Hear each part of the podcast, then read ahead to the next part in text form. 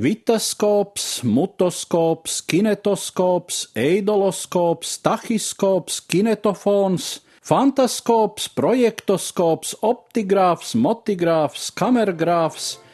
Visi šie skanīgie nosaukumi, kuri parādījās laikrakstu un reklāmas plakātu tekstos 19. gadsimta nogalē, atspoguļo cilvēces jauno aizraušanos, kustīgu fotogrāfisko attēlu vērošanu. Dažas no šīm ierīcēm ir tikai nenozīmīgi sānsoļi kino industrijas uzvaras gājienā, citi nepieciešami tās evolūcijas posmi. Šodien par vienu no nozīmīgākajiem, faktiski pirmo komerciāli izmantoto filmu rādīšanas ierīci Tomasa Alvas Edisona kinetoskopu, kuram patents izsniegts 1897. gada 31. augustā.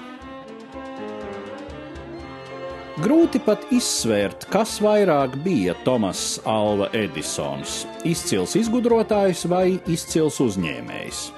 Katrā ziņā savus izgudrojumus radot, viņš allaž ņēma vērā to masu ražošanas un noieta iespējas.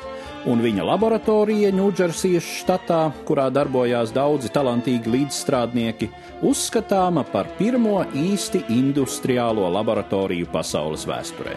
Kinetoskopa tapšanā galvenais praktiskā darba veicējs bija laboratorijas līdzstrādnieks Viljams Diksons, kurš kļuva arī par pirmās kinolentes personāžu. 1891. gada 20. maijā kinetoskops tika demonstrēts Savienoto Valstu sieviešu klubu Nacionālās federācijas loceklēm, kuras bija ieradušās ekskursijā Edisona laboratorijā.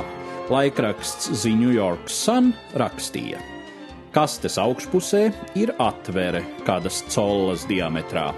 Ieskatījušās atverē, dāmas tur redzēja vīrieša attēlu. Tas bija viss neparastākais attēls. Vīrietis palocījās, smaidīja un māja ar rokām, un pacēla cepuri ar visperfektāko dabiskumu un grāciju. Visas kustības bija perfektas.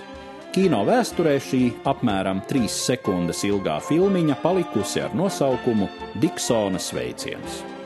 Ja laikraksta reportierim ļautu ieskatīties kinetoskopa iekšienē, viņš tur redzētu uz daudziem nospriegojošajiem veltnīšiem uztītu filmu. To griež elektromotors, liekot attiecīgajam kadram nonākt pretī skatāmajai atverēji koka korpusa augšpusē. Kinetoskopā izmantotie lentas kustības principi pamatos palika nemainīgi visās ierīcēs, ar kurām tika rādītas filmas, līdz pat video ēras sākumam pagājušā gadsimta vidū. Kinetoskops izrādījās neticami ienesīgs pasākums. Amerikāņi bija gatavi maksāt 25 centus par iespēju dažas minūtes pa atveri skatīties uz kustīgu bildīti koka skāpīša iekšienē. Par tādu pašu naudu tolaik varēja nopirkt biļeti uz pāris stundu ilgu vodevīļas izrādi. Kinetoskopu zāles izplatījās visā Amerikā un ienesa Edisonam desmitiem tūkstošu dolāru peļņas. Tomēr jau laikā, kad tika reģistrēts izgudrojuma patents, tas bija novecojis. 1895. gadā parādījās pirmās ierīces, kuras, izmantojot Edisona laboratorijā radīto filmas kustības mehānismu, projicēja attēlu uz ekrāna. Skatītājiem vairs nebija jāgaida rindā un jālūr pa atveri koka skapītī. Viņi varēja ērti iekārtoties krēslā un skatīties filmu uz kinoekrāna. Tomas Edisons 1895. gadā kādā vēstulē rakstīja: Ja mēs sāksim ražot šīs jaunās ekrāna mašīnas, mēs visu izpostīsim. Tagad mēs ražojam atveres skatāmās mašīnas un pārdodam tās ar labu peļņu. Ja mēs sāksim ražot ekrāna mašīnu, visām savienotajām valstīm vajadzēs varbūt kādas desmit tādas. Ar šādu daudzumu pietiks, lai parādītu filmas ikvienam šīs valsts iedzīvotājam, un cauri būs. Nekausim taču zosi, kura dēļ zelta olas. Tomēr jau tajā pašā gadā arī Edisona laboratorijā sākās darbs pie savas projekcijas kinetoskopas sistēmas. Stāstījumu sagatavoja Eduards Liniņš.